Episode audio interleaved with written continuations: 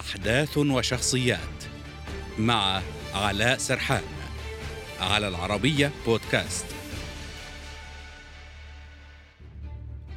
مدرس سابق عمل بالتجارة بين ليبيا والكاميرون ونيجيريا. التحق بالعمل العسكري عام 2001 ليصبح لاحقا زعيما لأحد أكبر الفصائل المسلحة في السودان. وأخيرا حاكما لإقليم دارفور. ميني أركو مناوي رئيس حركة جيش تحرير السودان.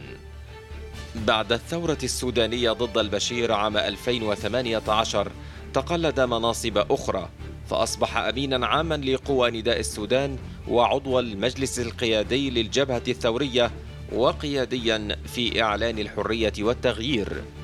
أعلن مجلس الوزراء الانتقالي في السودان تعيين ميني أركو مناوي حاكما لإقليم دارفور.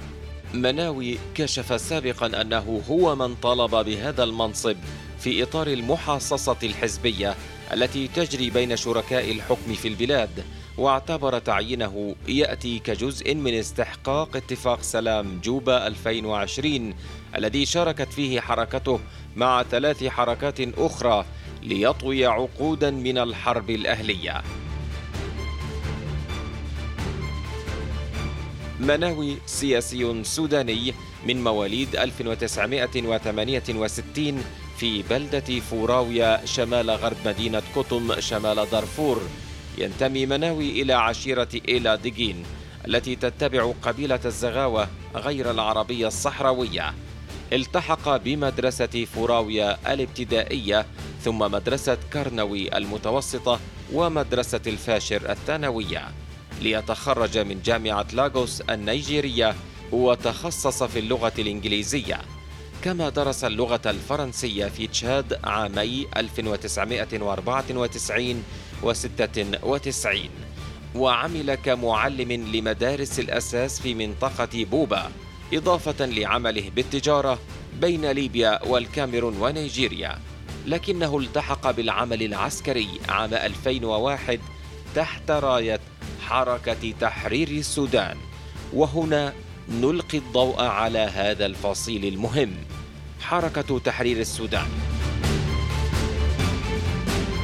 تأسست عام 2002 بهدف قتال الحكومة المركزية بقيادة البشير وإنهاء ما وصفته بالتهميش السياسي والاقتصادي.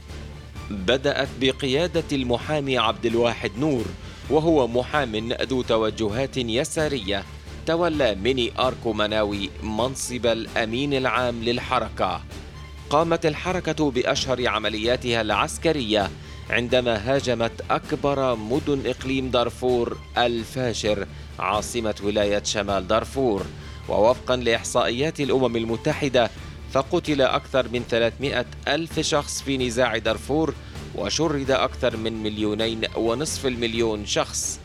لكن الانشقاق في الحركة وقع عام 2006 مع بدء مفاوضات سلام بين الحكومة والحركة إذ رفض عبد الواحد نور التفاوض بينما انخرط ميني أركو مناوي في العملية ووقع مناوي في العاصمة النيجيرية أبوجا في العام نفسه اتفاق سلام. وصار مساعدا للبشير وأصبحت الحركة حركتين حركة جيش تحرير السودان جناح ميني مناوي وحركة جيش تحرير السودان جناح عبد الواحد نور. وفي عام 2008 انشق مناوي عن البشير واتهمه بتنفيذ 15% فقط من اتفاق سلام جوبا وعاد للتمرد بدعوى تهميشه في اتخاذ القرار داخل الحكومة.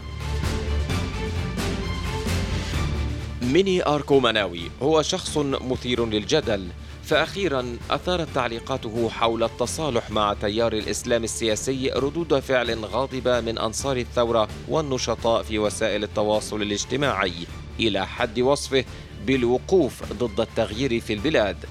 ولمناوي مطالبات بالإسراع في تسليم المطلوبين من قادة النظام المعزول للمحكمة الجنائية الدولية ويقول لا داعي لمحاكمتهم بتهم بسيطة.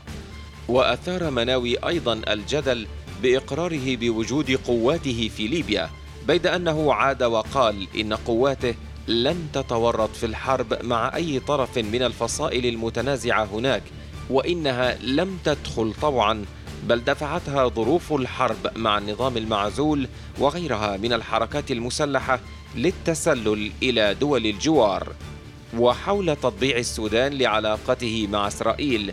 مناوي لا يعترض على ألا تكون تلك العلاقات خصما على القضية الفلسطينية وحقوق أهلها.